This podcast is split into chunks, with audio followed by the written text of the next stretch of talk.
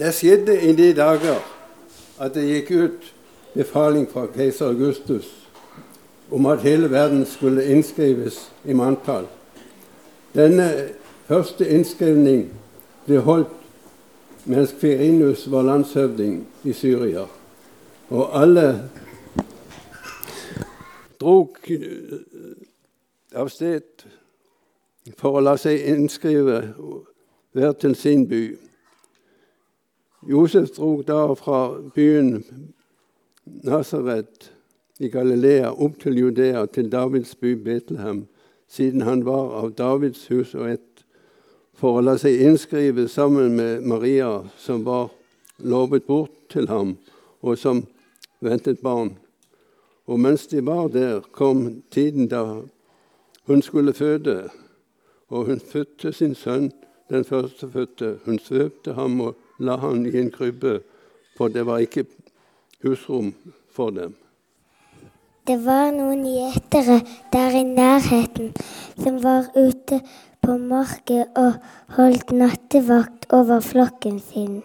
Med ett sto en Herrens engel foran dem, og, Herren, herlig, og Herrens herlighet lyste om dem.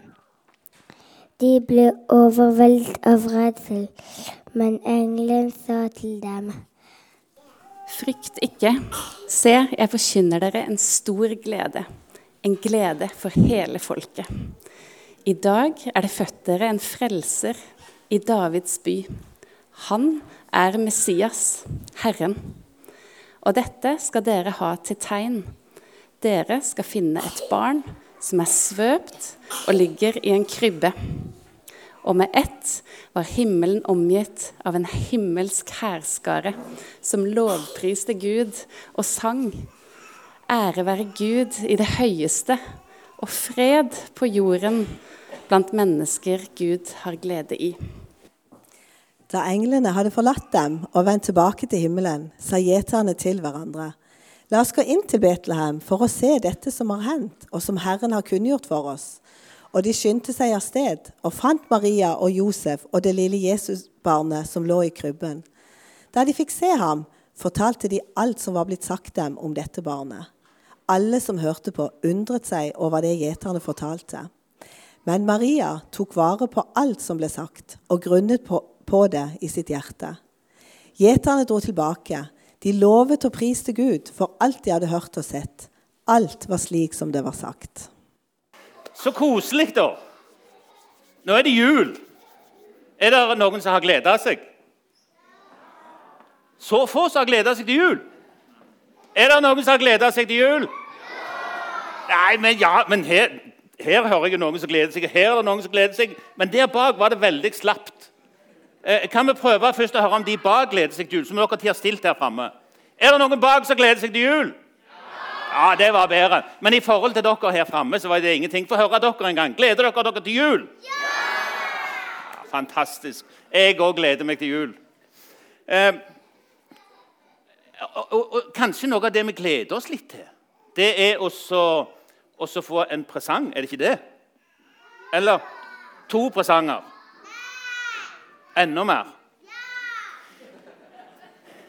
Jeg vet ikke helt hvor mye presanger jeg får egentlig, men jeg pleier å få et par stykk.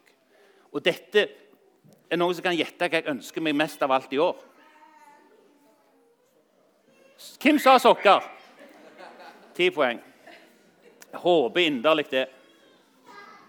Men hvis dere tenker at eh, Er det noen av dere som har opplevd noen gang at dere har gleda dere sinnssykt til å gi en gave til noen? Hvis du har kommet på noe som du syns var kjempebra, og så tenker du at det Jeg gleder meg sånn til f.eks. mamma eller pappa eller bror eller søster eller onkel eller tante åpner akkurat den presangen. For det var så knallbra presang, syns jeg sjøl.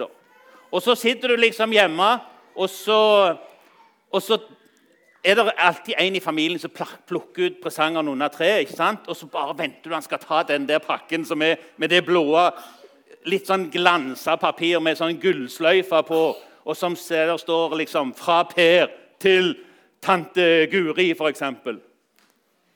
Og så ser du bare når hun åpner presangen, og er, hun er litt spent. Tanter skal alltid være spente. De er født spente. De er født anspente, rett og slett. Eh, og, og, du er jo kjempespent. Og så åpner hun presangen, og det er sikkert akkurat det hun ønsker seg mest av alt.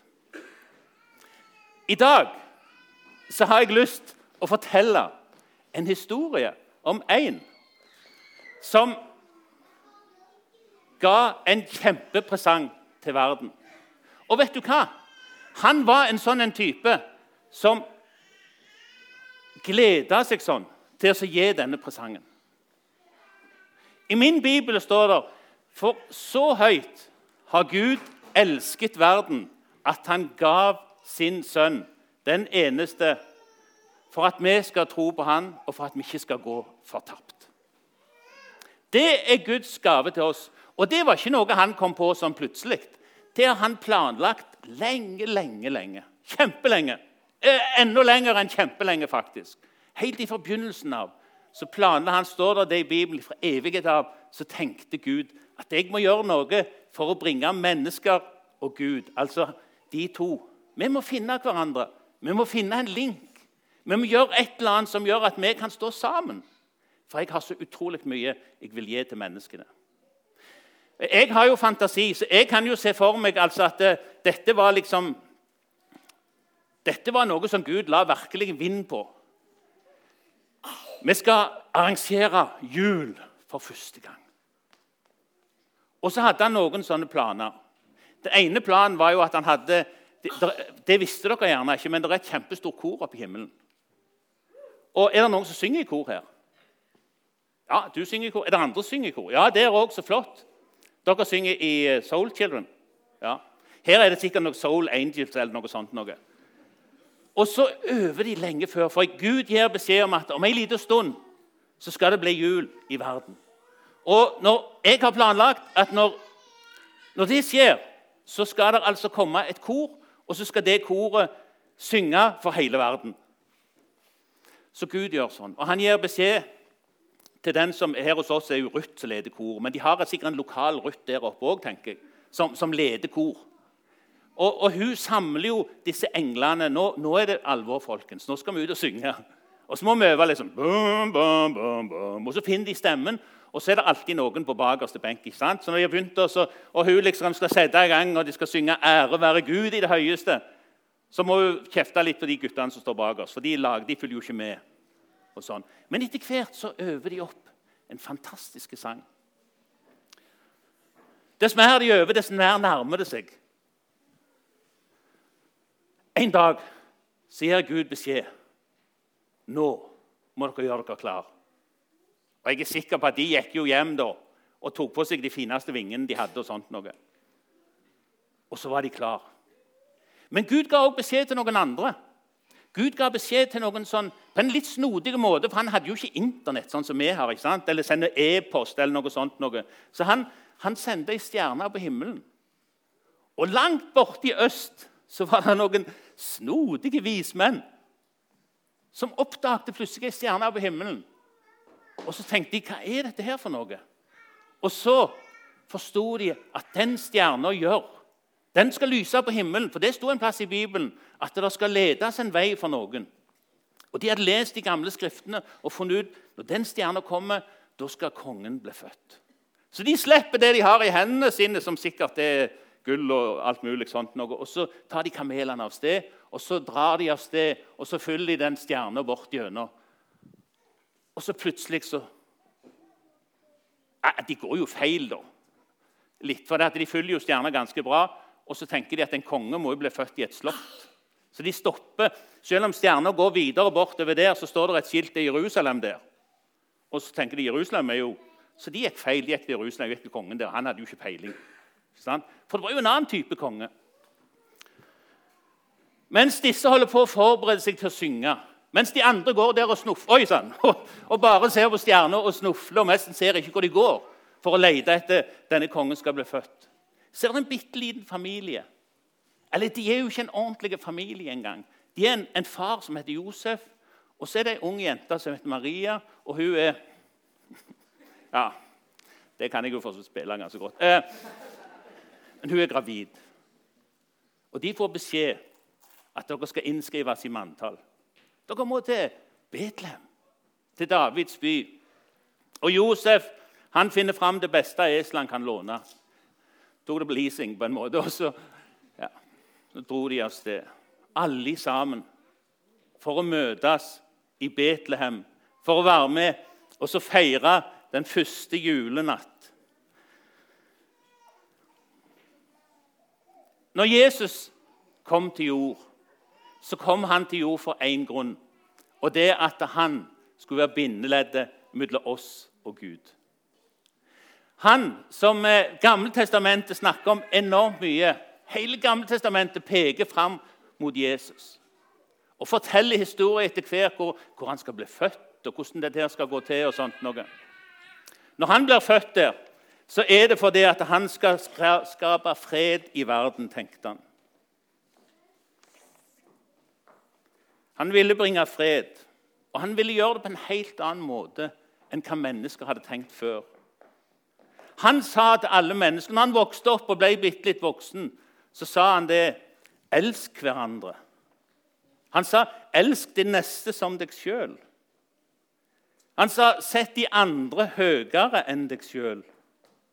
Hvis noen spør deg om å gå en mil, så gå to mil. Hvis noen slår deg på det ene kinnet, så vend det andre kinnet til.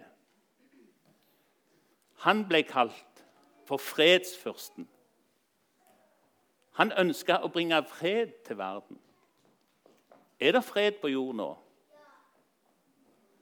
Skulle ønske at du hadde sant. det. Men vi vet at det ikke alle plasser der er fred. Det er noen heimer der er gjerne ikke fred i.